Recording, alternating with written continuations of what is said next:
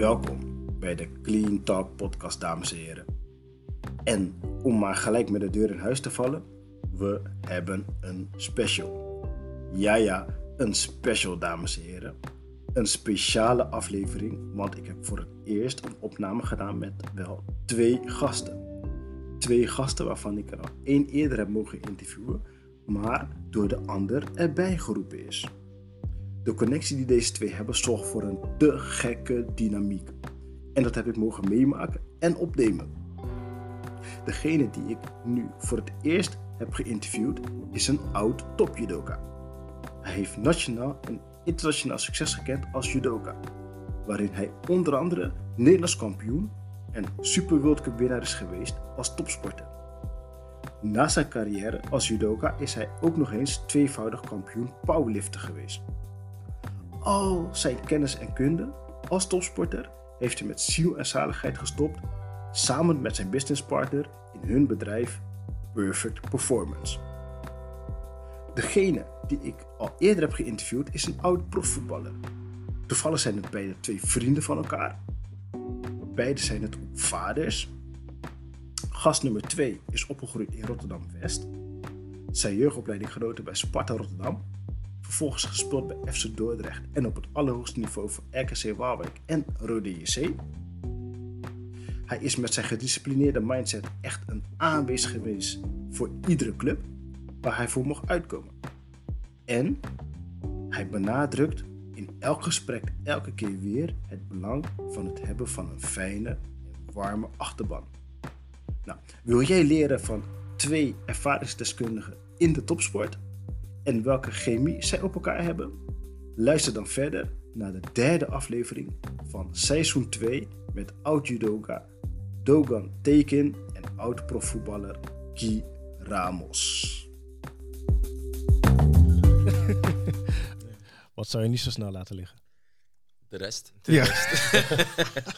Dat is het probleem. Dat Alles is, dat behalve is het Cheetos, probleem. ja. Alles behalve Cheetos. Shit. Ik, eh, Maar eh, wat ik me nog kan herinneren van, eh, van jou, Dogan, is dat toen... Ik ben een keer toen bij jou geweest. Om, om, eh, en Hebben we nou een intakegesprek gehad? ja. En daar bracht je wel heel erg naar voren dat, dat, dat voeding echt extreem belangrijk is. Voor je. Ja, voor topsporters zeker. Hm. Ja, tenminste, kijk, voeding is extreem belangrijk. Voeding is voor iedereen belangrijk. Mhm. Alleen op het moment dat je topprestaties wil leveren, dan wordt het nog veel belangrijker. Hm. Ja, je wil ook, ja, om topprestaties te kunnen leveren, moet er wel gewoon eh, ja, genoeg eh, en goede brandstof in. Ja, precies. Ja. Ja. Kan je dat beamen, Guy? Ja, als ik eh, nu naar mijn lichaam kijk.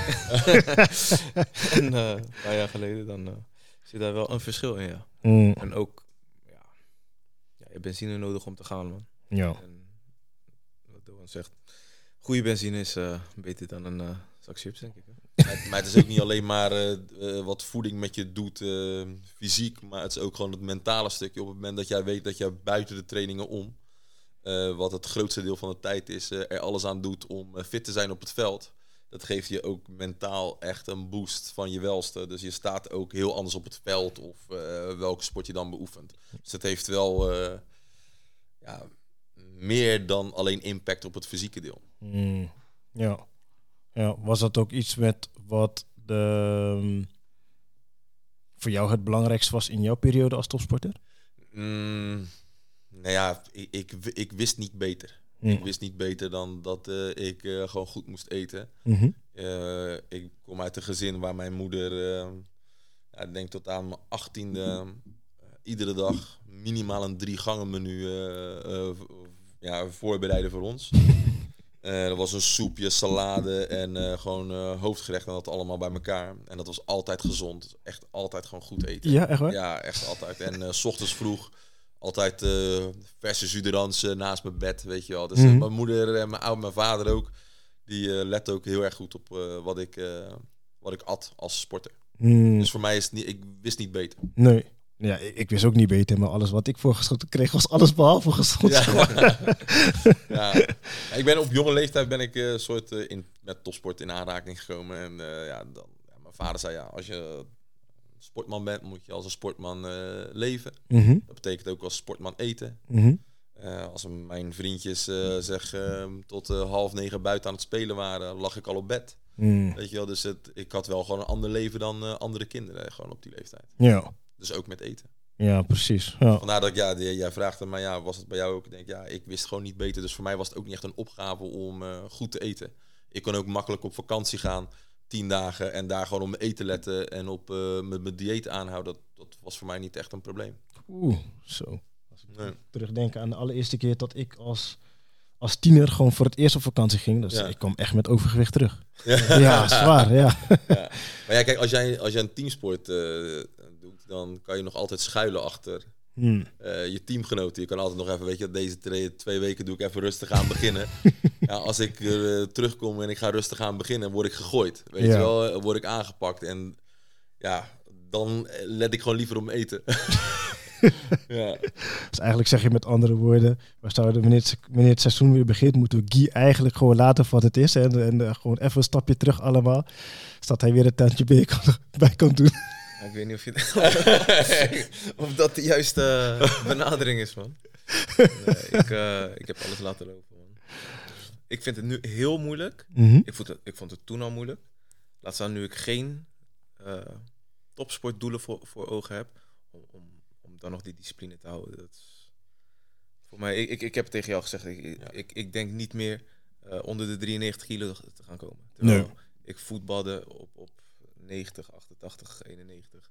Daartussen. Mm. En, en voor mij, toen had ik een doel voor ogen. Gewoon fit zijn en eh profvoetballer zijn. En in, in mijn laatste jaar ging, ik- kroop ik al richting die 92. En toen was ik iedere dag bezig met, met, met, met sporten. Laat staan nu dat ik twee keer in de week bij hem train. Eén keer eh, doe ik een pilateslesje hier. Een keer doe ik de zaal. Mhm. Ik, ik, ik ga niet meer onder de 93 komen. Denk ik. Hij is er heilig van overtuigd. Ik- hij, ik- ik- hij wil zo graag... Hij wil me zo graag kutten nu gewoon van... Nee, ik nee, wil nee. wel hij- dat, ja, ik denk gewoon wel dat hij het kan. Alleen er moet een eh, soort eh, doel tegenover staan. En hij ziet topsport als het enige doel om goed op zijn eten te letten. Mm. Maar ik denk dat er nog eh, veel meer is dan eh, dat Sowieso alleen. is er veel meer. Ja. Alleen je kan prima functioneren met een... ja, nee, tuurlijk kan je prima functioneren. Ik, ik, ik je hoeft jezelf ook niet op een eh, regime te zetten om per se de 93 kilo aan te tikken. Alleen ik weet zeker dat op het moment dat jij weer voelt hoe lekker het is om eh, lichter te zijn, wat fitter te zijn, eh, dat je uiteindelijk niet meer terug wil omhoog. Dat je dan, weet je, dat knopje hebt gevonden om uiteindelijk die 93 eh, of rond de de 90 te zitten. Dat is wat ik denk. Maar ja, het is een lange weg. Het is een Dat is het probleem. Dus ik hou het even vol. Dus laatst was ik ook rond de 96, 95. Ja, vanochtend toen ik opstond was het weer 98,5. Dus Echt? ja. Echt, wat heb je gedaan dan? ja, niet veel. Dat is het probleem. Oh, man. niet veel. En, en ja, je moet even wel ervoor zorgen dat je met de kerstdagen niet... eh ja, dat is het probleem. lastig, hè? Ja, Maar je moet niet al laten gaan, je moet niet accepteren. Ja, maar dat dus, hè? Want wat, Ja. wat zijn die doelen die je dan bijvoorbeeld vandaag de dag... Hè? Ik denk dat het ook wel fijn is om het los te mogen laten. Je hebt zo'n carrière, heb je ge- achter de rug gehad en... Dat is het denk ik ook meer. Om, om, Ja. Omdat je, s- kijk, ik, ik heb die ijzeren di- discipline die jij had en hebt, heb ik niet. Dus voor mij was het, wat ik daarnet al zei, het was al moeilijk. Hm. En toen heb ik het nooit echt losgelaten. En nu heb ik de kans om het los te laten. Ja, let's go. Mhm. Dus dat, dat is... Een, I'm een- free! een- ja, ja, precies dat. Precies dat. Ik, ik kan nu gaan en... eh, Joyce, zullen we nog even een zakje chips open trekken? Ja, prima. Ja. Eh, en vroeger was het niet. En nu heb ik die vrijheid. Mhm. En dan wil ik een soort van misbruik van maken. Of zo. Dat, ik, ik weet dat het niet goed is, Mhm. maar ik kan het ook niet tegenhouden. Maar is Voor het, een nu, langere periode. is het nu zeg maar dat je je, je had topsport eerst als doel? Eh, Wat zou nu bijvoorbeeld een heel ander doel voor je zijn? Waar Gezondheid gewoon. Gezondheid. Ja. Gewoon eh, geen... eh, geen maar eh, gezondheid, maar gewoon lekker in je vel Ja, zitten. gewoon lekker in je vel zitten. En Ja. alleen, ehm, dan moet je ook die drijf hebben om, om dat echt als doel te kunnen zien. Ja, ja, precies dat. En op dit moment heb ik dat niet echt. Ik, ik vind het geweldig om. om ja, ik begon met Dennis, was op 104 of zo. 104, 105 kilo. Omlaag gaan, omlaag gaan. En, en geweldig. En op een gegeven moment blijf je hangen. En dan komt het gevaar van: oké, Ja. ja. één keer Ja. de fout ingaan. Twee keer, ah, fuck Ja. it. Ja. En dat is. eh, killing. Terwijl je wel altijd, eh, tenminste altijd, sowieso in de podcast die we één op één hadden, gaf je aan dat ehm, discipline echt bovenaan stond. Dat was een van je hoogste kernwaarden, zeg maar, Zeker. om naar te leven. Ehm, iets wat al zo diep in je geworteld zit, zeg maar. Los van dat je het natuurlijk met betrekking tot topsport hebt losgelaten. Wat heeft er dan daadwerkelijk voor gezorgd dat je ook echt je kernwaarde discipline ook daadwerkelijk onderaan die ladder hebt gezet? Ik vind eten gewoon fijn, man. Ja, maar, dis- maar discipline Ja. kan je alleen maar in mijn optiek alleen maar opbrengen op het moment dat je inderdaad een bepaald doel voor ogen hebt. Mhm. Je belangrijk genoeg maakt om de discipline op te brengen. Eh, om keuzes te maken die je liever niet wil maken. Of dat je eh, de easy way out kiest. Mm. Maar Dat, ja, je moet er wel gewoon een doel. eh, je moet een doel hebben, wil je dat kunnen bereiken. Ja, Discipline kunnen pakken. want als ik jou zo hoor, ben je gewoon nog steeds gewoon even gedisciplineerd. Waarschijnlijk in mindere mate als toen je het echt topsport bedreef. Maar ook met wat je nu allemaal doet, met je bedrijven, maar ook gewoon privé, zeg maar.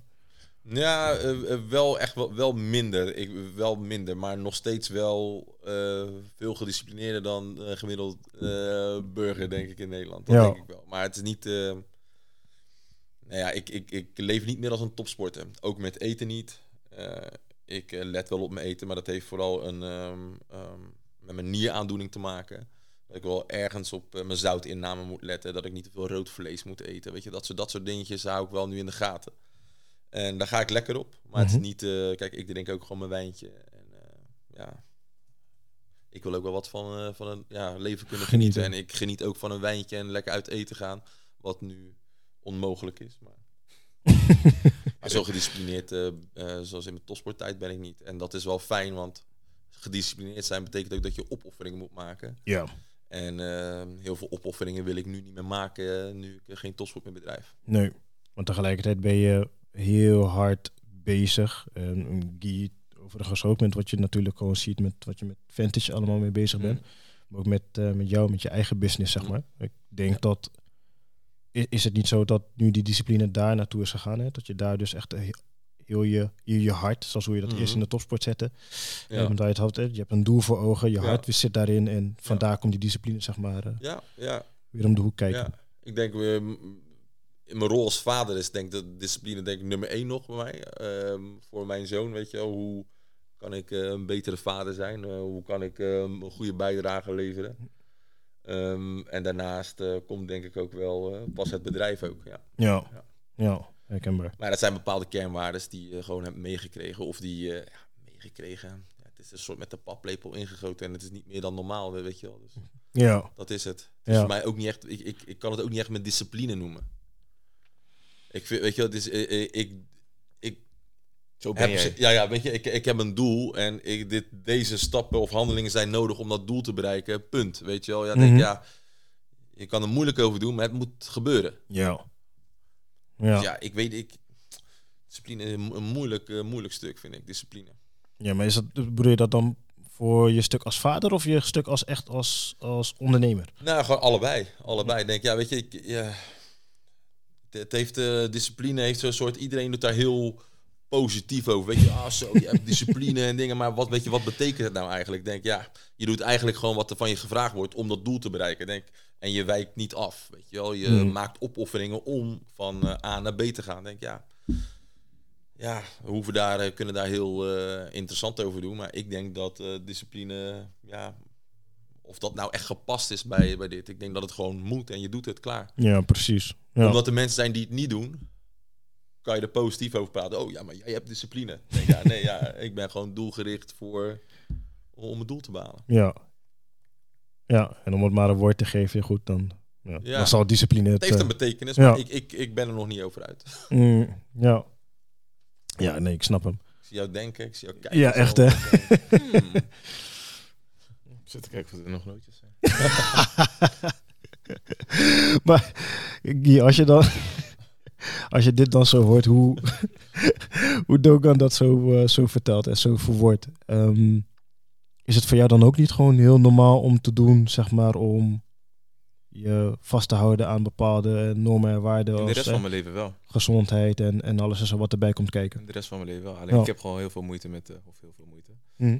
ik heb juist geen moeite met eten. en, en dat is het probleem. Nee, dat is, dat is het enige, of een van de weinige dingen, denk ik, die, ehm, waarin ik echt alles heb losgelaten. Of ja, alles. Mhm. Ehm, waarin ik discipline. ehm, ik, kan, ik, ik, ik kan het niet boven het eten zetten of zo. Het, het is ook een soort van Het is, niet echt een, het is echt niet echt een echt doel voor jou. Het is Nee. je hebt het uitgesproken, maar het is niet iets wat je voelt. En dan is het eh, heel lastig om bepaalde dingen op te brengen. Oh, Ja. ik, ja, ik vind het nu lastig om dingen te laten liggen. Ja, Vooral als ze lekker zijn. ja, snap ik. En, en nu heb ik sowieso, ja, waarom, waarom zou ik dat nu laten liggen? Ja. Omdat ik het zeg. Who the fuck? Who is you? Maar hoe ging je er voor jezelf, zeg maar... ehm, was het voor jou dan ook moeilijk tijdens je carrière om heel veel dingen echt los te laten? Of, of echt, hè, zeker het eten, om te zeggen van oké... ik vond het wel lastiger. mhm, Ehm, of ik vond het lastig. Maar ik kon me makkelijker inhouden. Dus, ehm,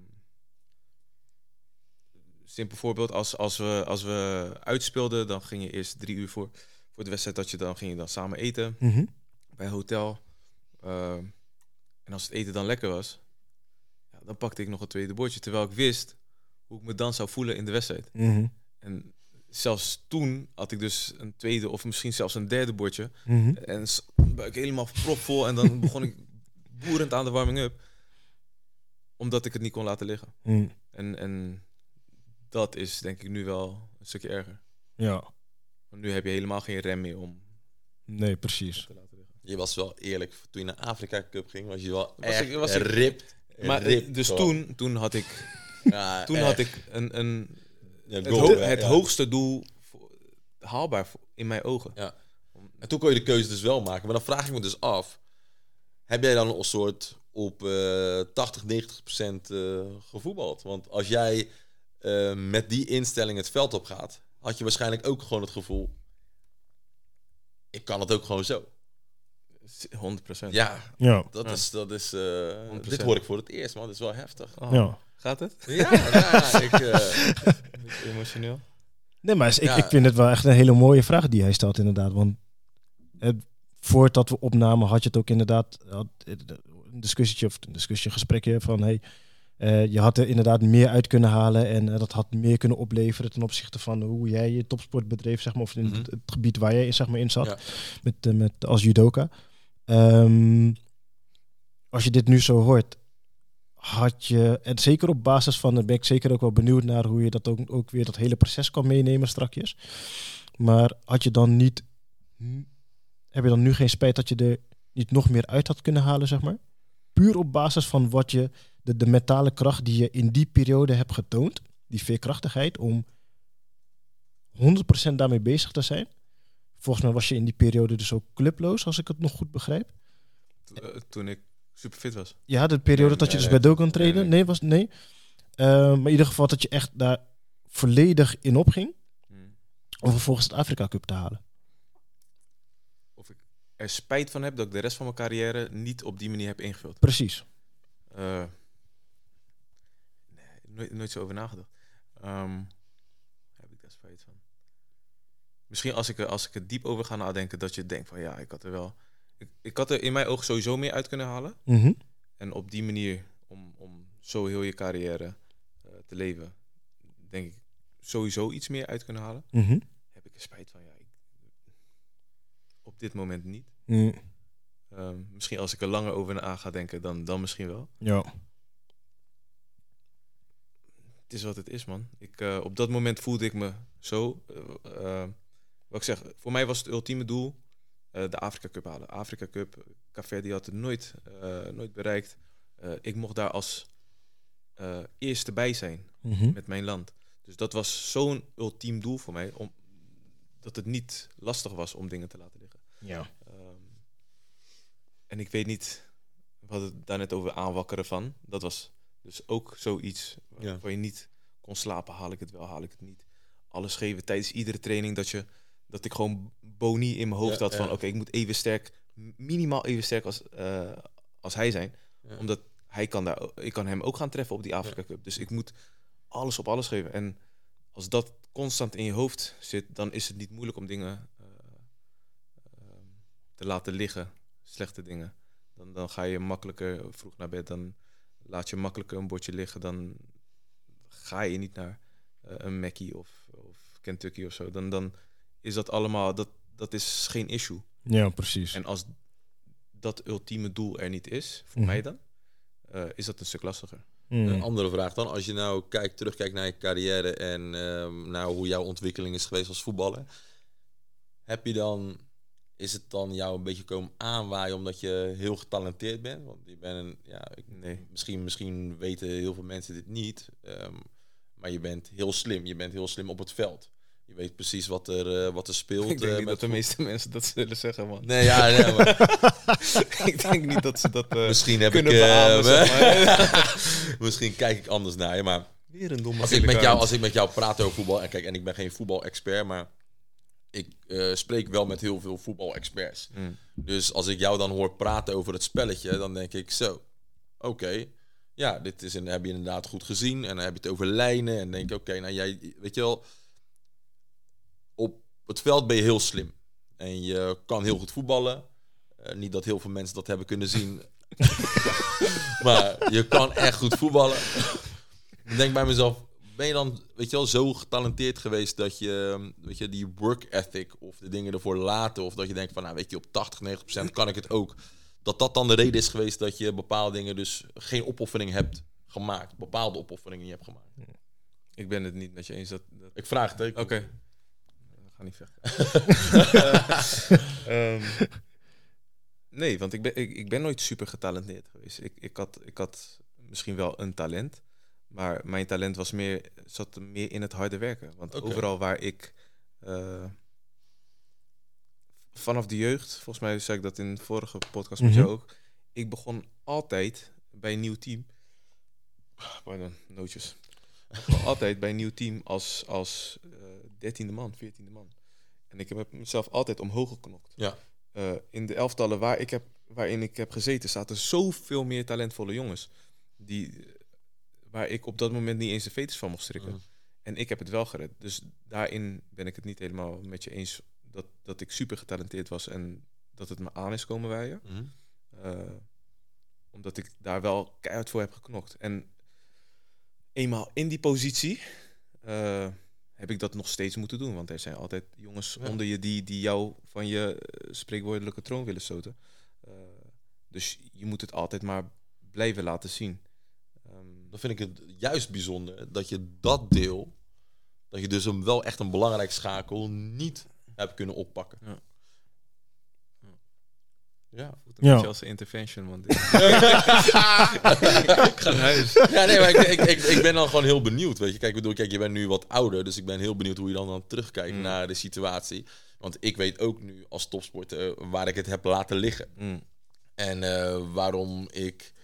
ehm, Ik, ik, ik denk, eh, wat je daarnet ook terecht zei, als, als teamsporter mhm. kan je altijd eh, een beetje verschuilen. Je Ja. kan een training Ja. even afwezig zijn. Ja. Een positiespel of je gaat in Ja. het midden staan. Of je, je huurt je eilandje af ergens in een hoek. Mhm. Je bent wel aanwezig, maar je hoeft voor de rest eh, vrij weinig te doen. Heel Ja. veel voetballers die zo hun carrière doorkomen, Ja. kan ik Ja. je vertellen. Ehm, dus ik, op een gegeven moment wist ik wel wat ik, wat ik moest doen in het veld. Wat je zegt, ik, ik kom misschien op tv dan niet als een intelligente speler over met al die gele kaarten. Maar ik wist wel waar ik moest staan. Ik wist, eh, op een gegeven moment krijg je ervaring. Ehm, en ervaring is gewoon vaker in situaties terechtkomen. Ja, ja. En, en als je eenmaal weet, eh, oké, de bal is daar, mijn tegenstander is hier. Mhm. eh, mijn medespelers zijn daar. Ik moet hier staan, want als de bal hier komt, kan er gevaar komen. Als ik hier niet sta, dan is Ja. het een goal. Dus dat, dat zijn allemaal dingen die, die je ontwikkelt buiten eh, je fysieke en, en ja, conditionele dingen en technische dingen. eh, is vooral het weten, het lezen van het spel is, is daarin het belangrijkste voor mij geweest. ja. Mhm. En buiten dat had ik dus wel die, eh, zeg dat, werkethiek Ja. om, om, om op een gegeven moment dus met jou eh, bezig te gaan zijn. Mhm. Om ook weer sterker te worden fysiek. En daardoor werd ik een betere voetballer ook. Dus ja, is het maar aankomen wij? Nee. Nee. Ja. Maar is het ook niet dat, dat hè, daardoor komt je talent nog meer naar boven? Ja. Hè, het, Ja. het, het, wat, wat sommigen zeg maar hebben is, eh, ehm, ik ben geen fitness trainer uiteraard, maar ehm, met wat je net benoemde, je gaat je lekkerder voelen naarmate je gewoon fysiek sterker wordt en et cetera, et cetera. En daardoor kan je eh, mentaal bepaalde dingen gewoon veel beter aan. Je kan eh, misschien op, werkgebied kan je gewoon veel dingen veel beter inzien of wat dan ook. Dus jouw talent komt gewoon veel meer naar boven. Wetende dat, en hoe je het zo omschreef, kwam je talent juist meer omhoog. Nadat je steeds meer werkethiek zo op als naast het veld ging zoeken. Maar je werkethiek komt denk ik ook wel omdat jouw competitiedrang... Ja, ik winnen. dat, dat weet je, je competitiedrang is gewoon eh, Ja. ja. zo heftig aanwezig. Ik baal nog steeds van dat schaakpotje. Ik denk dat, ik, weet je, dat, dat, dat is ook wel een goede motivator. Hè? Laat duidelijk zijn dat ik dat potje niet heb verloren. Het was een remise. Maar Maar wacht even, wat is een goede motivator? Dat schaakpotje of... eh? Ja, wij, eh, wij doen met alles wel een wedstrijdje. De voetvolley eh, in de gym ook. Het is het enige wat we tegenwoordig doen. Ja, Ik ga dat- naar de gym, maar ik ga daar. Letterlijk, nogmaals, hij was heer. Maar het is, wel, eh, het is, wel een belangrijk detail om te vertellen. Ehm, normaal gesproken, ja, zeg maar de eerste twee maanden, misschien drie maanden spelen we nu voetvolley. Mhm. Heb ik eh, van de zeg 20 spellen die we hebben gedaan. Nou, zeg, eh, zeg 15 spellen die we hebben gedaan. Mhm. Je moet de Heb- podcast niet laten overnemen. Kom, ga heb ik, er vijf, heb, heb ik er 15 eh, verloren. Oeh. De laatste drie weken inmiddels, vier, is het nu vier weken? Mhm. Drie of vier weken heb ik nog geen eh, overwinning weggegeven. Oh, Dus wauw. er zit wel gewoon een stijgende lijn. Dus die competitiedrang komt wel weer naar boven. Op het moment dat we weer. ik eh, zie hem mogen. denken, ik zie hem denken. Kijk. ja. Ja, zeg maar even. Een, ja, precies. Hey, heerlijk. hey, maar nou hoorde ik je net iets zeggen over... Hè, ik weet voor mij waar het, zeg maar, ehm, mis is gegaan. Mhm. Eh, wat bedoel je daar precies mee, met waar het, zeg maar, mis is gegaan? Nou ja, kijk, je hebt met topsport, als het gaat om topsport en als het gaat om individuele topsport, moet je bepaalde eigenschappen bezitten die, ehm, ja, die je echt het laatste beetje, ehm, ja, in ja, echt als het gaat om wereldkampioen worden, Europees kampioen worden of Olympisch kampioen worden, dan heb je een eigenschap nodig, echt dat iedereen moet wijken voor ehm, eh, die op jouw pad komt Mhm. voor jouw doel. Dus over je, over, ja, je moet over lijken kunnen gaan. Ja. En ik denk dat ik eh, achteraf gezien ehm, daar iets te beschaafd voor was. Dat ik iets te netjes was. Ehm, op momenten dat ik eh, moest laten zien, weet je wel, dat ik eh, iemand de baas was, dat ik dacht, weet je wel, ik laat het even lopen, het is Mhm. goed. Eh, de goede vrede bewaren, weet je wel, in het team. Ehm, ook al kon ik een moordenaar zijn, Mhm. was ik dat op sommige momenten niet. Mm. Kan je zo'n voorbeeld benoemen, zeg maar? Nou Ja, moet je je voorstellen, dan eh, heb je eh kernploegtraining, is een korte, is een, he- het is een hele simpele, maar kernploegtraining, Mhm. is een nieuwe gein. En dan ehm, ehm, groet je een eh, concurrent aan. En een concurrent zegt, ja, vandaag beter niemando. Maarten die kijkt mee.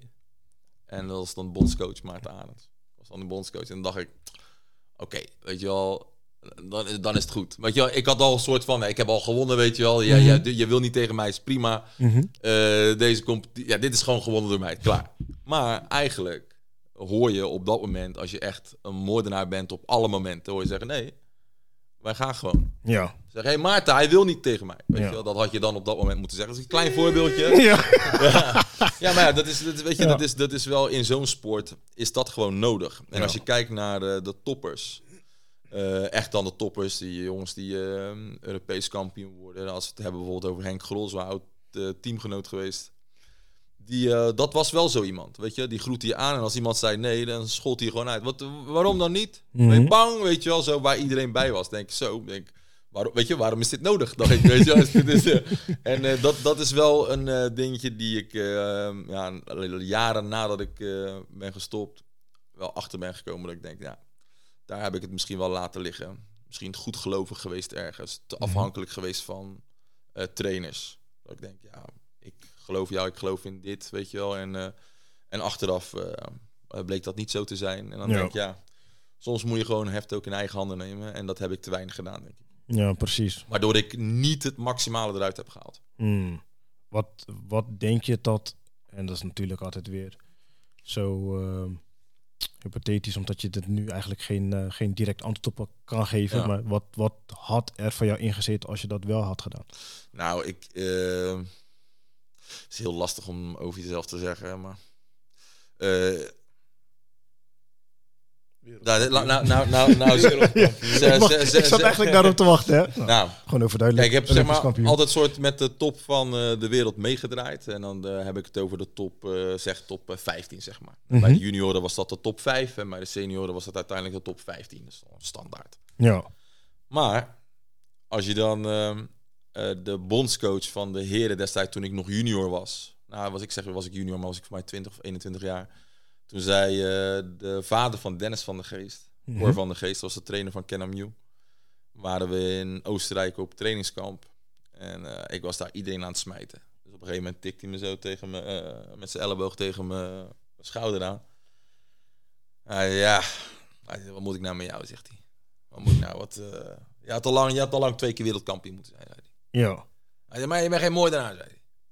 Ja, je Hmm. bent geen moordenaar, dat zei hij. Maar kijk, als je kijkt naar in wat voor club ik ben opgegroeid... Mhm. Ik ben echt heel blij met die club, hoor. Want dat heeft me veel meer gebracht dan alleen maar een eh, sportcarrière. Het heeft me ook gevormd als mens. Maar het was allemaal ehm, wel wat gemoedelijker. En als je altijd zeg maar een van de sterkste bent van de club... dan eh, ga je relaxer trainen daar. Mm. Dus voor mij was dat daar trainen was een soort... Ja, eh, jongens makkelijk gooien. Maar als ik dan in Kennemew in Haarlem moest trainen, ja, Mhm. dan stond ik gewoon, eh, gewoon tegen jongens die ook een, ja, lichter waren dan ik. eh, stond ik gewoon echt gewoon te knokken. Het was gewoon echt een knokpartij gewoon. Hmm. Daar word je dus ook een moordenaar van. Dus als je iedere wedstrijd, of ze nou lichter zijn of zwaarder zijn, je moest met iedereen judo. En iedereen wilde je kop eraf beuken. dus ja. Ja. dan ga je daar wel. En als je dat eh, iedere week, een paar keer per week doet, ja, dan word je vanzelf wel een moordenaar. En ik denk, ehm, die switch ehm, had ik misschien achteraf, misschien eerder moeten maken. Kunnen we nu niet meer navertellen. Maar Nee. het, eh, daar heb ik het denk ik wel een beetje laten liggen. Ja. Is dat iets, ehm, eh, misschien ook voor jou, Guy, is dat iets met wat echt een iets zit, eh, of echt waarmee je bent opgegroeid en een bepaalde cultuur iets in zit, zeg maar, waardoor je bepaalde. eh, hè, je hebt bepaalde mensen die van, van, van huis af uit echt, eh, bijvoorbeeld die, die moordenaars instinct bijvoorbeeld al mee hebben gekregen. Of hè, ehm, eh, zoals hoe ik het voor mezelf vertaal. Ik ben in een omgeving opgegroeid waarin ik wil bestond niet. Het was ik mag. En alles wat je dus vanuit die ik mag denkwijze deed, was altijd terughoudend. Hè, mag ik van jou drinken? Of mag ik van jou ook al bij, bij iemand op visite? Terwijl heel veel mensen zijn van ja, nee, ik wil drinken. Heb je drinken voor mij? Of ik wil dit. Heb je dit voor mij? En dan, dan ging je in principe eigenlijk, was je, is je mindset vanaf kleins af aan al gefixt op hetgene met wat je daadwerkelijk wilt. En ik heb niet het maximale uit mijn carrière kunnen halen, omdat ik heel erg terughoudend was. Stages bij Feyenoord. Wanneer hoor ik iets? Nee, wa- waarom had je niet gebeld dan? Oh ja, maar ik zou vorige week gebeld worden. Ja, dan had het dan gedaan. Nu is iemand anders aangenomen. Afhoudend, eh, echt terughoudend, zeg maar.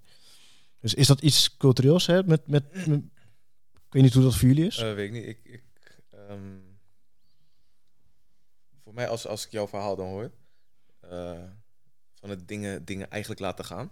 eh, vooral bij te- teamgenoten en zo, dat had ik richting een latere fase in mijn carrière. Dus in het begin ging ik wel over lijken heen. En dan maakte het niks uit of het de training was. Of tuurlijk, eh, ik, ik, ik schopte niemand het ziekenhuis in of zo. Maar als er een duel was, een 50-50 bal, dan was gewoon 100% voor mij. Ja. En richting eind carrière of dan, dan 50-50. Ah joh, armpjes omhoog, laat maar lopen. Neem Mhm. jij deze maar. Dus dat, dat ik weet niet. ehm, Ja, maar ik- Of- ik- het is niet... eh, In mijn sport is het niet op die manier laten gaan. Nee, nee, wij- want dan- ja, dan ja, wij, wij knokken gewoon Ja, met elkaar. ja. Dus als ik zo sta, dan word ik dus echt nee, gewoon. Dus en dat, is, dat is Ja. weer, weer, weer, weer Ja. het verschil met een teamsport. Ja, misschien verlies je deze bal, Ja. maar degene achter je kan het misschien Ja. nog wel oplossen. Dus Ja. eh, daarin werd ik, werd ik ja, ik werd eigenlijk lief. Ik werd, eh, ja, van, van mensen die dachten dat ik daadwerkelijk echt over lijken ging en die duels juist, pardon, schuwde voor mij, Mhm. werd ik die ene die een, een, duel uit de weg ging, zeg maar. Mm. En, en ehm, dat had ik dan niet zozeer in wedstrijden, maar wel eh, op trainingen. En, en dan, ik voelde wel een soort omslag van, ja, dat, dat ik veranderde in mijn mentaliteit. En Mm. dat kwam denk ik niet ten goede van, eh, van mijn spel. Ja. Maar dat komt niet vanuit huis bij jou. Nee, nee. Bij, Nee. mij, bij, bij mij wel. nee. Eh, Bij ons is het altijd beleefd, weet je. Naar iedereen heel beleefd. Dat sowieso hoor. Dat, Eh, weet je wel, maar, maar ja. gewoon, weet je wel, mijn, mijn vader eh, hamerde daar gewoon op. En Mhm. eh, uiteindelijk eh, ja, zie je dat ook weer terug eh, daarin. Ja. En Ja. ja, het, het is wat het is. Ja. Ja, achteraf het is Weet je wel, het is, Ja. eh, ik eh, kan er nu naar, eh, t- ik kan nu terugkijken en dan denken, ja, ik denk dat ik het daar heb laten liggen. Ook met een beetje pech. Ehm, ja, Welke lessen zouden, zouden want jullie zijn allebei eh, eh, vaders van, eh, van je hebt één, twee kinderen? Eén. Eén. Ja. Eh, heeft twee kinderen. Ehm, hoe, ja, welke lessen zouden jullie zeg maar, vanuit jullie topsportcarrière mee willen geven aan, aan jullie kinderen? zo. Toch een, stru- een stukje structuur of zo. Man. Ja, Dingen structureel eh, aanpakken. Met Gabriella, dan doe je spelletjes en dan. dan eh, nu, nu heeft ze een, een spelletje, het, het, het land van geen idee of zo. En dan mag je twee letters. Dus jij kiest twee letters in je hoofd en Mhm. die bestaan niet in dat land. En dan moet ik, eh, is bijvoorbeeld eh, de O en de M. Mhm. En dan zeg ik, bestaan de kerstbomen in jouw, in jouw land? Ja. Nee, omdat de O en de M erin zit. Maar. Dus als ik aan de beurt ben Mhm. en ik heb twee letters in mijn hoofd, zij gaat, zij gaat er nu opschrijven. Mhm. Dan gaat ze kijken, oké, eh, noot? Nee, geen noot, oké. Glas? Oh, wel glas, oké. dus deze en die komen overeen. Dus, dus een stukje eh, structuur ook in spelletjes. eh wat is nog een ander spel dat we deden? En, en dat ze van, van links naar rechts ging en denk van, ja, maar dat heb je al gevraagd. Je hebt geen structuur in je hoofd. En dat begint ze nu wel te snappen, te begrijpen. En nu als ik dingen doe die, die van kriskras door de kamer gaan en in Mhm. mijn hoofd zeggen, papa, je hebt geen structuur. Je moet structuur. Je weet dat, is, Ja, dat is wel iets, ja. iets wat, je, wat ik in ieder geval wil, wil eh, overbrengen richting, richting kids. Ja. Ja. ja, ik wil gewoon al, vooral dat hij heel veel plezier maakt. En dat hij iets ontdekt waar hij, wat hij echt heel leuk vindt om te doen. Omdat het dan dus geen opgave meer is om bepaalde opofferingen te maken om dat doel te bereiken.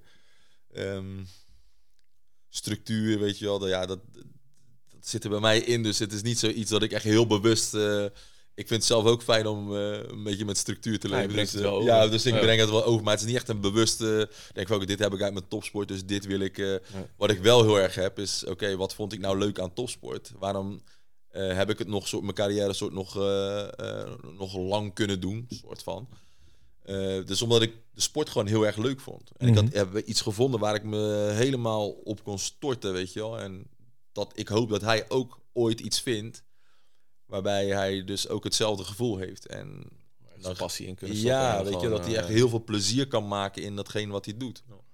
En dan eh, komt zijn talent er wel uit. Ja.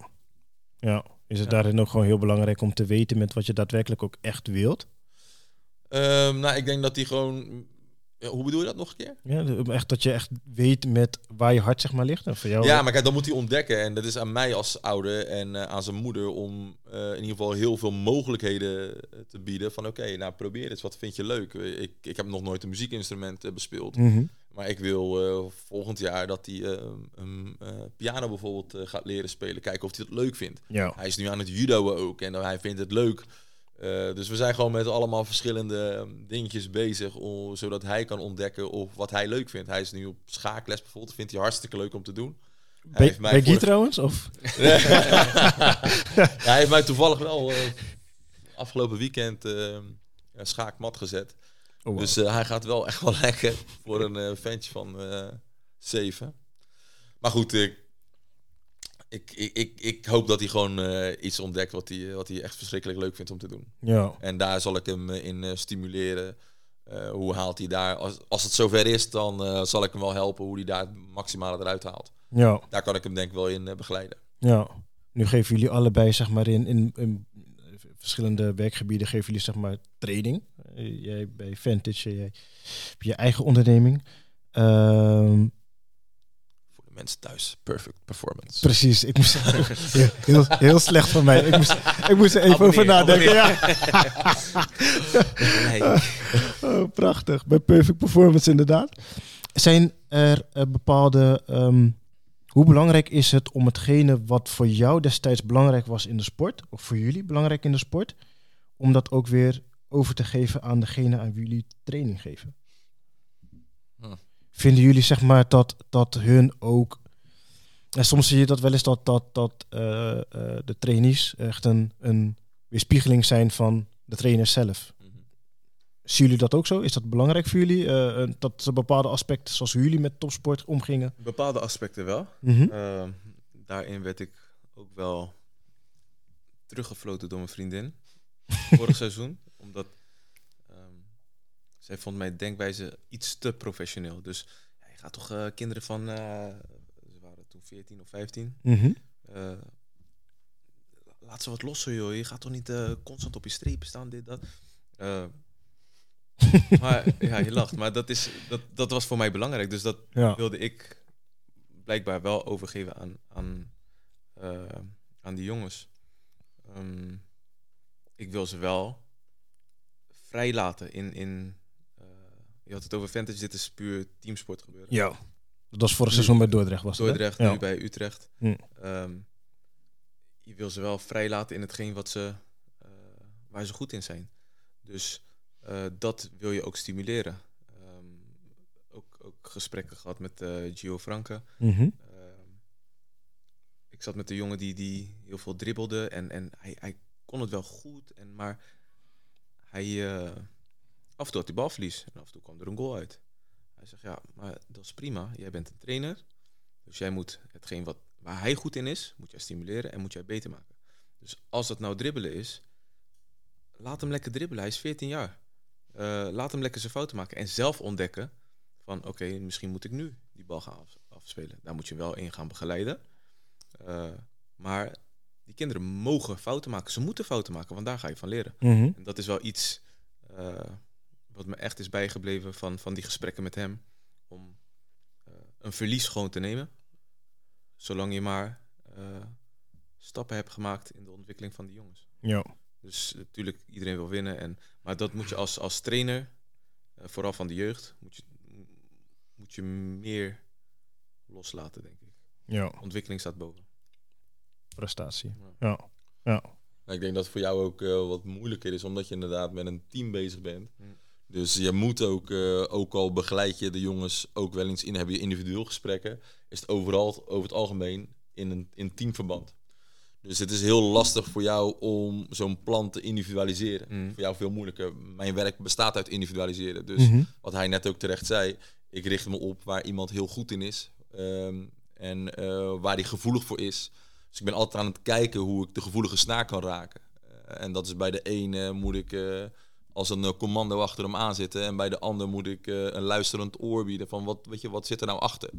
Eh, wat zachtere aanpak. Dus het is voor mij wel gewoon heel erg zoeken naar wat heeft degene die tegenover mij is, eh, wat heeft hij of zij nodig. Wat heb Mm. je nodig? Wat jij nodig hebt. Ja. Wow. Pak slaag met spelletjes, dan ga je harder, harder werken. Maar is dat ook echt daadwerkelijk echt de weerspiegeling van, van jou zoals jij bent geweest als, als topsporter hè, naar je, je trainees? Ehm, je bedoelt in mijn werk? Ja? Ik heb, ehm, nou, ik heb eh, de eerste jaren dat ik zeg maar voor mezelf begon en trainingen gaf, Mhm.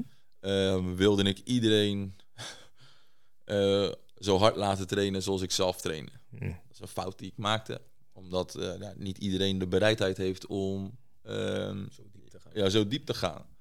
En dan eh, je afvragen wa- wa- waarom eh, mensen misschien een keer geen zin hebben in een training. Dus op een gegeven moment ga je daarover nadenken. Denk ja, de meeste mensen die bij mij komen, die komen niet met de topsport mindset. Dan heb ik natuurlijk, begeleid ik heel veel topsporters, maar Mhm. uiteindelijk is het, het grootste deel van de mensen die bij mij komen, zijn geen topsporters. Mm. Ze willen wel fit worden, maar ze willen niet eh, dat meemaken wat eh Guy en ik bijvoorbeeld tijdens een training hebben meegemaakt. Ja. Dat, is, eh, dat gaat voor de meeste mensen wel te ver. Dus daar heb ik wel een, ehm, een stapje terug in moeten maken. Dus wat hij net zei, dat zijn vrouw corrigeerde hem dan in dit geval. en dat heb ik uiteindelijk eh, zelf door gesprekken met mijn klanten te hebben, Mhm. heb ik zelf ook moeten aanpassen. Mm. Want je kreeg daar dus echt wel een gerichte feedback op. Van, Nee, hey, ik vraag feedback. Ik vraag, ik vraag gewoon feedback. Joh, wat, eh, hoe vind je het gaan? En eh, eh, wat vind je dat er beter zou kunnen gaan? Hoe denk je dat ik me anders zou kunnen opstellen om er meer bij jou eruit te halen? Maar niet Mhm. iedereen is daar eerlijk in, toch? Eh, niet iedereen is daar eerlijk in, maar als, eh, als je zeg maar 50 mensen spreekt en eh, er zijn twee of drie mensen die zoiets aangeven, dan is het wel iets je- om, mee, om, mee te nemen. En als, je, als zij dat dan hebben gezegd, kan ik dat ook weer bij andere mensen waarbij je dat gevoel al hebt. Mm. eh, dat- opbrengen van joh, ehm, even een vraagje. Vind jij mij soms eh, Mm. iets te veel eh, eisend of zo? Ja. Ja. En dan, eh, dan, dan komt het er wel uit, weet je. Dan zeggen ze wel van ja, nou zo ja, pff, vorige week was wel een heftige week. en dan eh, denk ik ja, oké. En dan moet je je afvragen, is het het waard om zo hard met iemand eh, te gaan? Ja, kijk, ik leer ook. En Mhm. eh, ik ben niet dezelfde trainer eh, als twaalf jaar geleden. Mhm. Dus je ontwikkelt je en je gaat daarin betere, verstandigere keuzes maken. Ja. Om mensen uiteindelijk beter te krijgen. Dat is uiteindelijk het doel. Ja. Ja. Wat vind jij dat daarin, zeg maar, het totaalbeeld... ehm, ik- want als ik je zo volg, heb je echt aardig wat succes, zeg maar, bereikt met, met Perfect Performance. Wat vind je dat het echt het, het grootste succesfactor daarin is geweest, tot nu toe? Zodat we allerlei verschillende soorten mensen met verschillende doelen, echt uiterste van elkaar, ehm, helpen met het bereiken van hun doelen. Of dat nou mentaal is, of dat nou fysiek is, of dat nou performance gerelateerde doelen zijn. Mhm. Eh, dat we gewoon echt heel veel mensen kunnen bedienen eh, en kunnen helpen, kunnen raken. En als je kijkt naar al onze klanten van de afgelopen zeg eh, zeven jaar, Mhm. de meeste mensen die beginnen, die stoppen niet meer. Hmm. En eh, wat, ik, wat wij doen is personal training en small group trainingen. Het is een soort van ja, luxe. Ja. Het, het, het kost wat. Maar die mensen die blijven gewoon hangen. Dus we doen iets goed. Mhm. We, we creëren beweging en mensen waarderen dat. En ja, dat is voor ons eh, het grootste compliment die we kunnen krijgen. Dat mensen gewoon lid blijven en eh, nog steeds werken aan bepaalde doelen. ja. Ja, dat is mooi. Ja, dat is ook weer een stukje kwaliteit die jullie natuurlijk leveren als, als trainers. Ja, jij zegt het. Ja, nou ja goed. Want is dat is, is diezelfde vorm van kwaliteit, kan je daarin het terug, eh, als je dan terugkijkt, zeg maar, kan je daarin herkennen dat je dus ook echt wel, los van hè, het stukje waar je het over had, van oké, als ik dat had gedaan, dan had ik waarschijnlijk meer kunnen bereiken, maar toch dat je kan zeggen van oké, ik heb echt wel kwaliteit geleverd aan mijn carrière. Ja, In vergelijking zeker. met dit. Ja, nee, zeker, zeker. Hm. Ja. Ja. Ja, dat is ja, mooi. 100%, Ja. Ja, dat is mooi. Hoe, eh, hoe ehm, ervaarde jij dat bijvoorbeeld? Want het is nu je tweede seizoen als jeugdtrainer, als het goed is. Eh, Ja, officieel wel. Officieel. Ja. Ehm, het eerste jaar waar ik wat wedstrijden natuurlijk heb gevolgd ook, eh, langs de lijn. Waarvan ik vind dat je echt een, best wel een hele goede prestatie hebt verricht met, eh, met Dordrecht afgelopen seizoen. En nu bij, eh, nu bij Utrecht, het jammer genoeg onderbroken is. Ehm, hoe zie jij dat, zeg maar, die ontwikkeling van jou als trainer daarin? Hoe je dat dus hebt meegegeven ook aan de spelers en ten opzichte van hoe jij als speler zelf was. Vind je dat jij dezelfde kwaliteit die je als speler bracht, ehm, ook overbrengt aan hetgene wat je nu als trainer doet? Ehm, ik denk dat ik een heel ander type trainer ben dan dat ik als speler ben geweest. Hm. Ehm, ook- ja, wat, wat jij dan nu net zegt van je bent, eh, je weet goed te verwoorden, looplijnen weet ik wel. Ik weet niet wat je daar net zei. Ik gaf je een compliment. Dankjewel, dankjewel. Wordt gewaardeerd. Nee. gewoon voor klappen. Ehm, dan, dan, dan spreek je mensen, bijvoorbeeld eh, ouders eh, vorig seizoen, Mhm. ehm, die, die waarderen dan de lijn die je hebt ingezet. eh, met hun zonen. Waar, waarvan je ook terugkoppeling krijgt wanneer je elkaar beter leert kennen, dan, dan kan je elkaar meer vertellen. Ehm, dat ze zeggen, ja, eh, we kregen aan het begin van het seizoen of eh, eind van vorig seizoen te horen dat jij de trainer werd. Nou, we dachten, nou, uh, meloot voor de groep. En dan leren we je kennen Mhm. en zien we waar je mee bezig bent. En dat je eh, echt een, een plan aan het volgen bent en, en echt iets voor ogen hebt met die jongens. Mhm. eh, wat we echt wel waarderen. En ehm, dat is niet eh, hoe ik als speler was geweest. Want daar was ik een soort van eh, wilde man of zo in, in heel veel mensen Mhm. eh, hun kop. Wat misschien ook zo was. Ehm, maar een mol. Ehm, ik weet niet of ik, eh, ik anders. Ik ben anders. Mhm. Anders als trainer dan als speler. Dus ik. Geen antwoord op je vraag. hè? Nee, maar ja, Dat is- nee, nee, ja goed. eh, los daarvan, ehm, los van dat je inderdaad gewoon heel, een hele andere type speler bent ehm, als trainer, Hm. dat het heel anders is. De kwaliteit die je leverde als speler, zie je dat terug ook in de kwaliteit die je levert als trainer.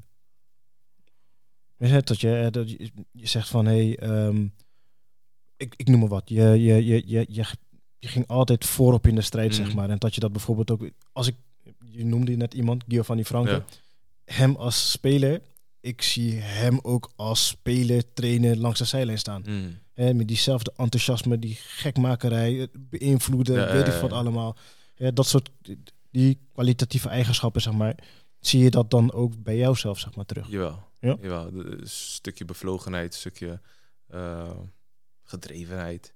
En dat is ook iets wat je over wil brengen op je groep. Mhm. Ehm, dat, is, dat is er denk ik wel ingebleven. Mm. Ja, ja, dat is mooi.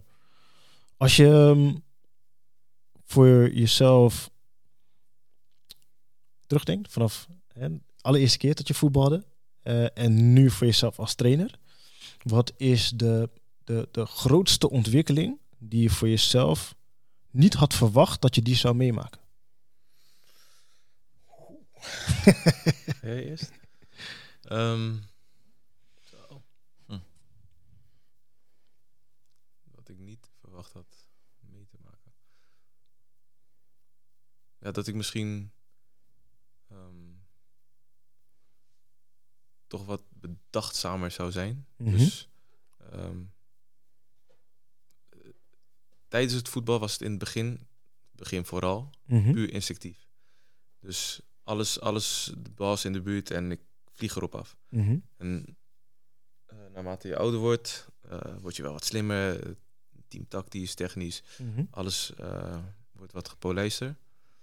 Ehm, maar hoe ik nu over het spel denk en hoe ik er nu in sta, is wel heel anders dan hoe ik het vroeger beleefde, zeg maar. En dat heeft denk ik ook met, wat ik net zei, eh, ervaring te maken. In bepaalde spelsituaties komen. Dus weten wat in bepaalde situaties gevraagd wordt. Mhm. Dus dat is iets wat, wat, wat je tot mijn negentiende of achttiende echt niet hoefde te vragen. Wat je in wat voor situatie moest doen. Ja. Dat zou ik nooit kunnen verwoorden. en dat is wel iets eh, wat ik ontwikkeld heb, denk ik. Ja, ja, ja. Daarmee ehm, geef je tegelijkertijd dus ook aan dat, dat dat jouw belangrijkste ontwikkeling, zeg maar, in je sportcarrière, zowel als speler als trainer is geweest. Ik denk het wel. Gewoon bewustzijn, bewustzijn van het spelletje ook. eh, die, de overgang toen ik eh, bij Dort speelde richting RKC. Die overgang heeft me eh, echt veel meer laten nadenken over het voetbal. Vanaf, vanaf jeugd was het gewoon lekker voetballen. Mhm. Bij Sparta lekker achter een bal rennen. eh probeer te scoren, probeer ballen tegen te houden en lekker doorgaan. Dort was het vooral hard werken. Mhm. mouwen opstropen en, en gaan. Ehm, en vanaf het moment dat je naar RKC ging en je echt met mensen te maken had die, die over het spelletje nadachten, Mhm. eh, werd ik eigenlijk ook gedwongen om dat te doen. Mm. Eh, bij RKC, ik, was 25 geloof ik toen ik die overstap maakte. Ehm, werd ik voor het eerst eh, uitgedaagd om, om tijdens het spel niet één op één op, over heel het veld te spelen. Dus bij, in de jeugd was het meestal sowieso het geval. eh, door het centrum doordekken, nummer 10 ging door, iedereen ging door het centrum doordekken. Bij Dordrecht was het niet anders. Mhm. Eh, daar won je wedstrijden 5-0 mee, verloor je ook 4-0 mee. Mhm. En bij RKC was het, oké, de tegenstander gaat dit doen. En dit gaan wij er tegenover doen. Hè, maar waarom? Waarom gewoon niet doordekken, één op één? Lekker, eh. en dat heb ik daar pas ontwikkeld. Mooi? dus ja, ehm, dat is pas op latere leeftijd gekomen. En dat, dat heb ik denk ik, daar ben ik meer over na gaan denken toen. Dat heeft me denk ik een slimmere voetballer gemaakt. En dat probeer ik nu ook vooral richting eh, de groepen waar ik training dan geef, om dat over te brengen. Dat dat eh, alleen maar hard rennen en, en, en sneller zijn en dat het niet altijd het beste hoeft te zijn. Nee. En dat is wel iets eh, wat, eh, wat mij verder heeft gebracht. En ik hoop ook eh, de spelers die, eh, die ik eh, onder me heb. Ja. ja, dat is mooi. Dat is echt mooi hoe je dat zo verwoordt. Hoe zie je dat voor jezelf, eh, Dogan? Bij mij is het denk ik het belangrijkste verschil eh, was denk ik omgaan met eh, bepaalde prestatiedrang of druk. Mhm. Waar het in het begin, zelfs eh, tijdens trainingen, wil je niet verliezen dat, eh, dat de druk zo hoog is, de spanning zo hoog is dat, eh, dat je achteraf pas in de gaten hebt hoe opgelucht je bent als de wedstrijd eh, eh, over is. Mhm. Terwijl in mijn latere, ja, het, la, het laatste deel, zeg de laatste vijf jaar, zes jaar, ja, vond ik het zo leuk om op de mat te staan. Vond ik juist heerlijk om de druk echt heel hoog te hebben. Om, ja, daar, daar ging ik gewoon lekker op. Dus ik kon dat omzetten in plezier. Mhm. Dus je beleving wordt wel echt wel anders tijdens eh, ja, je sportcarrière. Is het dan Ja. ook niet een stukje ervaring? Die o- omdat je vaker op de mat hebt gestaan, dat je, dat je meer vertrouwen hebt in jezelf. En, eh, He- heeft er zeker mee te maken. Ja. Heeft er zeker mee te maken. Maar het is ook wel een, eh, ik herken het wel. Het is ook wel een soort bewuste ontwikkeling geweest. Weet je, het is, eh, het is ouder worden, het is ervaring. Maar het is ook erover nadenken dat ik denk van oké, dit moet- het, weet je wel, ik vind, ik doe dit omdat ik het leuk vind. Dus Mhm. waarom ehm kijk ik er zo tegenop eh, dat iedereen zoveel van mij verwacht? Mhm. En waarom verwacht ik zoveel van mezelf? Waarom ben ik niet gewoon lekker aan het judoën en aan het genieten van hetgeen wat ik aan het doen ben? Ja. Ik, ik zoek de spanning toch zelf op. Ja. Ik, ben, ik zeg toch dat ik de beste van, ben van de wereld. Dus eh, kom maar op dan. Ja, precies. je, dus een hele andere mindset. Net als dat ik tegen jou ga voetvollen. Ik weet dat je veel beter bent, maar ik kan mezelf zo, eh, zo, mezelf zo opnaaien en kijk er zo naar uit Mhm. om eh, dan eh, te gaan spelen. Omdat ik het lekker vind, die druk, weet je wel. Ik vind het lekker om... eh, ja, gemaakt te worden. nou ja, dat, is, eh, Ja. dat ligt in het verleden tegenwoordig. Maar bij jou, als ik dat dus... Want ik hoor dat he- heel mooi bij Dogan, hè. eh, Echt, ehm, die druk doet leven, om Ja. het maar zo te zeggen.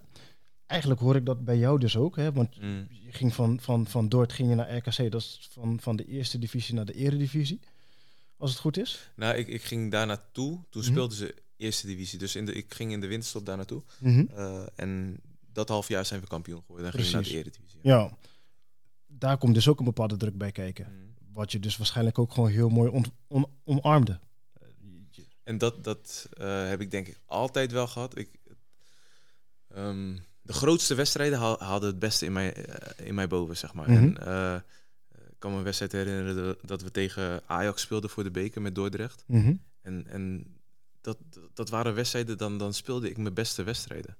Ehm, het eerste wat ik deed toen ik bij RKC kwam, was die druk opzoeken. Hmm. Eh, niemand durfde uit te spreken dat, dat, dat eh, ja, we willen promoveren en eh, ik wilde kampioen worden.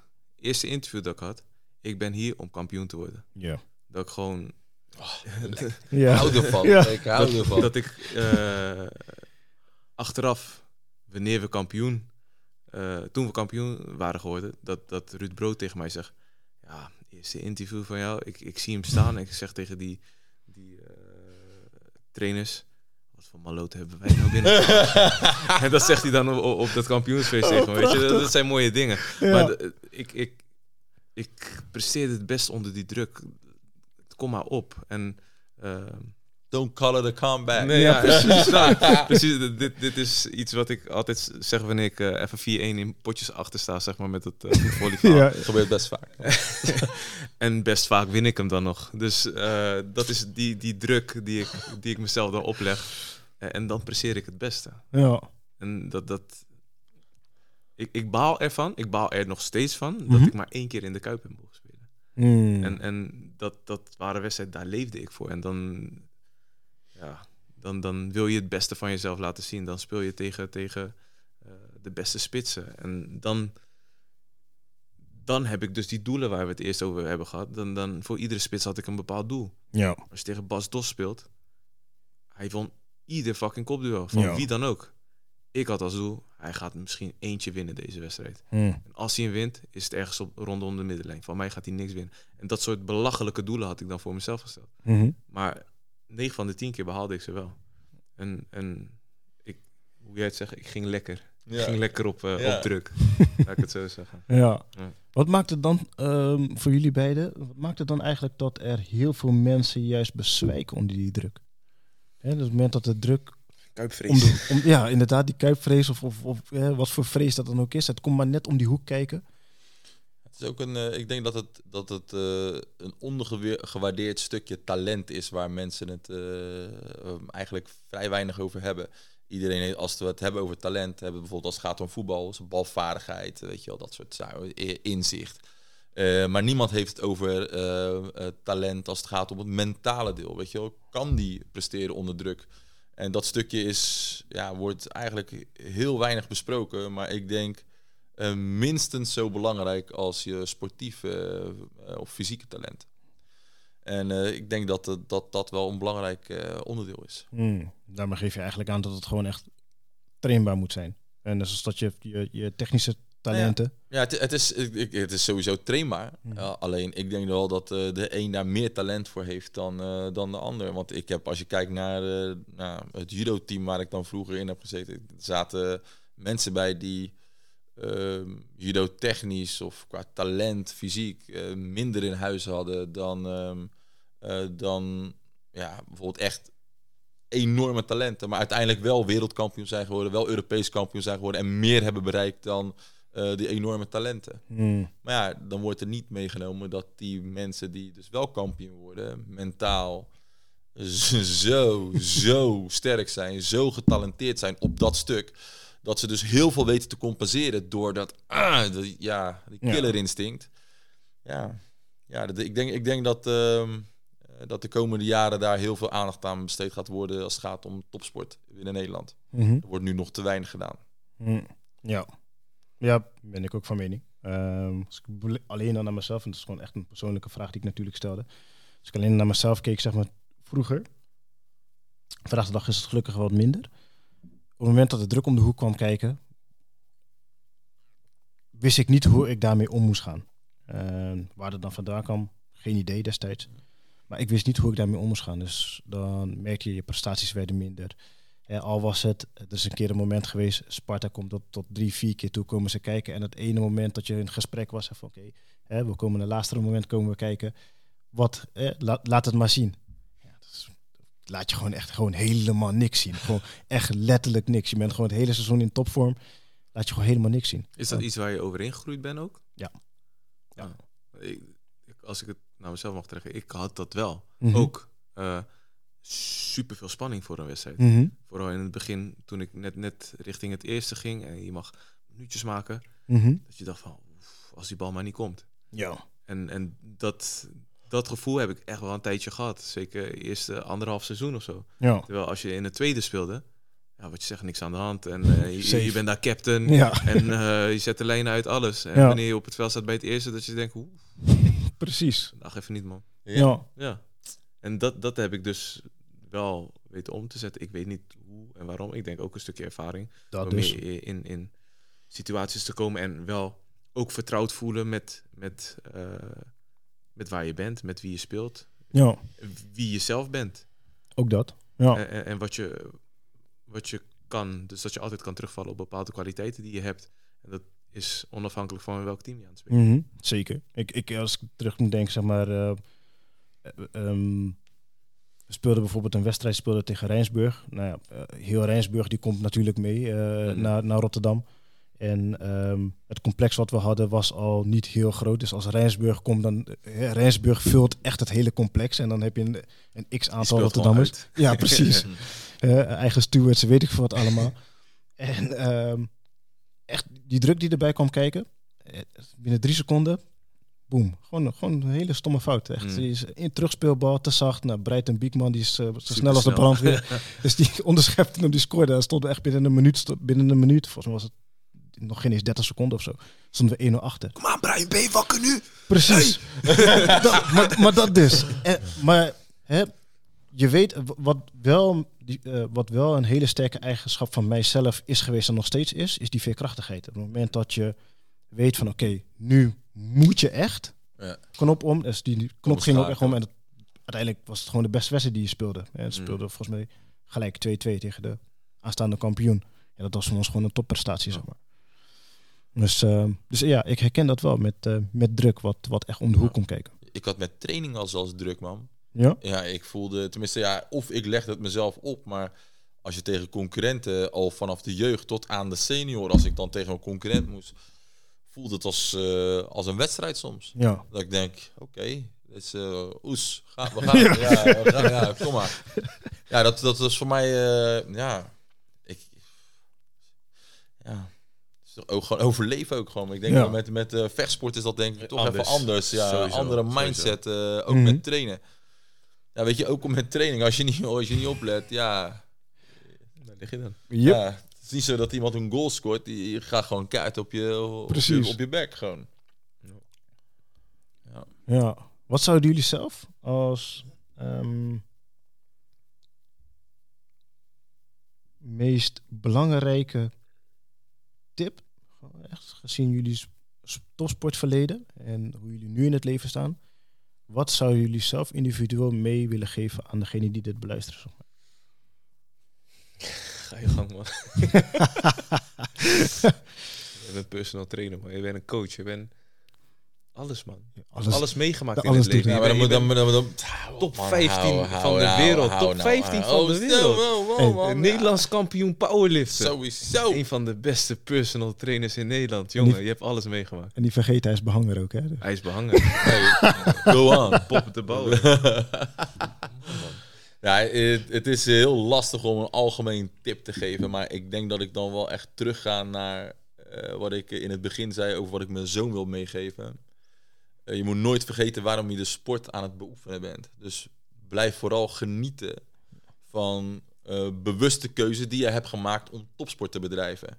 Soms vergeten we door de druk, door de mentale druk die we onszelf opleggen, van oké, we moeten daar presteren, dat we ja, vergeten plezier te maken. Ja. Want het is, ehm, ja, er zijn heel weinig mensen op de wereld eh, die kunnen zeggen dat ze topsport bedrijven. en als jij eh, een van de mensen bent eh, die, die dat wel kan zeggen, ja, dan zou ik daar met volle teugen van, van genieten. Ja. Ja. En echt heel bewust zijn van, van dat proces, want topsport duurt niet lang. Dus geniet van de periode die je hebt als topsporter. Ja. Nou ben jij man, bro. Ja, ik, ik, ik- ik kan, ik kan daar niet aan tippen, man. Al die mooie woorden zo.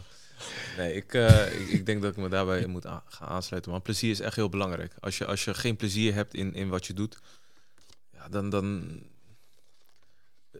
Topsport is dan je werk. Mhm. Ehm, maar het hoort niet als zodanig gezien te worden, denk ik. Ehm, als je het als werk gaat zien en er geen plezier meer in hebt. Of ja, dat wil niet zeggen dat je geen plezier in je werk eh, kan hebben, maar ehm, sport moet plezier zijn. Als staat er top voor, het moet nog steeds plezier zijn. Je moet het nog steeds leuk vinden om te doen. Als je het niet leuk vindt om te doen, eh, haal je er denk ik niet alles uit. Mm. En Ik denk dat in jullie geval, als het gaat om, to- om, om voetballers, denk ik dat jullie juist wel veel vaker het ook wel een beetje moeten zien als werk. Ehm, eh, ik vind als je kijkt naar de voetbalcultuur, en dan kan ik niet eens spreken over alle voetballers die bij mij binnenkomen, want die eh, investeren gewoon in hun vrije tijd nog extra aan personal training. Maar er zijn wel heel veel teamgenoten van die jongens, die Mhm. bijvoorbeeld geen eh, extra tijd te investeren aan eh, training of aan eten. En dat daar gewoon heel onprofessioneel wordt omgegaan met, met topsport, met de talenten. Dat ik denk van nou, die mensen, die jongens mogen het wel meer zien. Eh, Als werk wat se- serieuze Ja, wat serieus Ja, ja, ja. aanpakken. Dus het is, dus het wel Ja, het is een balans. Het ja, is een balans. Ja. Ja. Ja. Ge- gebalanceerd door het leven. ja. Dat is mijn tip. Ja, ja, inderdaad. En jij? Wat zou jij? Wat zou, wat zou jij? eh, ehm, kijk, jij eh, interviewt ons, Mhm. jij begeleidt de podcast, maar ik ben wel benieuwd hoe jij daarin staat. Als jij eh, ons, eh, ons hoort, heb jij een andere tip? Ehm, ik, je gaat druk ga je ervaren. Je gaat eh, eh, tegenslagen ga je ervaren. Je gaat eh, verdriet, wat dan ook. Zeg maar. Je gaat gewoon met, met heel veel ehm, demotiverende gedachten. Ga je, die gaan hoe dan ook. We, leven, we, hebben, we hebben, iedereen heeft ze. Ja. Je kan niet, iemand zei laatst van ja nee. ehm, als je in een bepaald, eh, in een bepaald spiritueel gebied leeft, zeg maar, dan heb je dat niet. Nee, ik zeg, nee, ja, goed, dat gaat er bij mij niet in. Ja. Iedereen heeft demotiverende gedachten. We, we, we worden ermee geboren en we leven er dagelijks mee. De veerkrachtigheid die je voor jezelf, zeg maar, toepast, dagelijks, tussen al die dingen door, dat zal denk ik echt het succes bepalen van jouw carrière. Gekoppeld aan plezier, eh, de liefde en het, het hart die je, die je, die je erin stopt. En eh, de bereidwilligheid om ook daar naartoe te willen werken.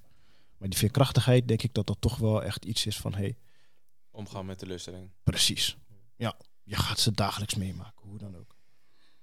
Je, ik noem maar wat, je, je, je bent als jonge jongen, ehm, heb je niet de mogelijkheid om naar voetbal toe te gaan en je rent naar die bus en hij gaat ijs, die bus is net even vijf minuten te, te vroeg. Ja, en dan lig je bij de pakken neer. Wat voor veerkracht ga je dan op dat moment tonen? Ondanks dat je weet dat je te laat zal zijn. Wat ga je dan doen? Klein voorbeeldje. Mooi. Hele mooie dingen. Thanks mannen. Ik ehm, ben eh, ja, dankbaar voor dit, eh, voor dit interview, dynamisch interview. Dus twee, eh, twee oude topsporters en tegelijkertijd nog heel leuk bezig binnen de topsport. Eh, op, op de manier zoals jullie het nu bedrijven. Eh, perfect Performance, Vantage. En bij Utrecht. Ehm, dank jullie wel. Ja.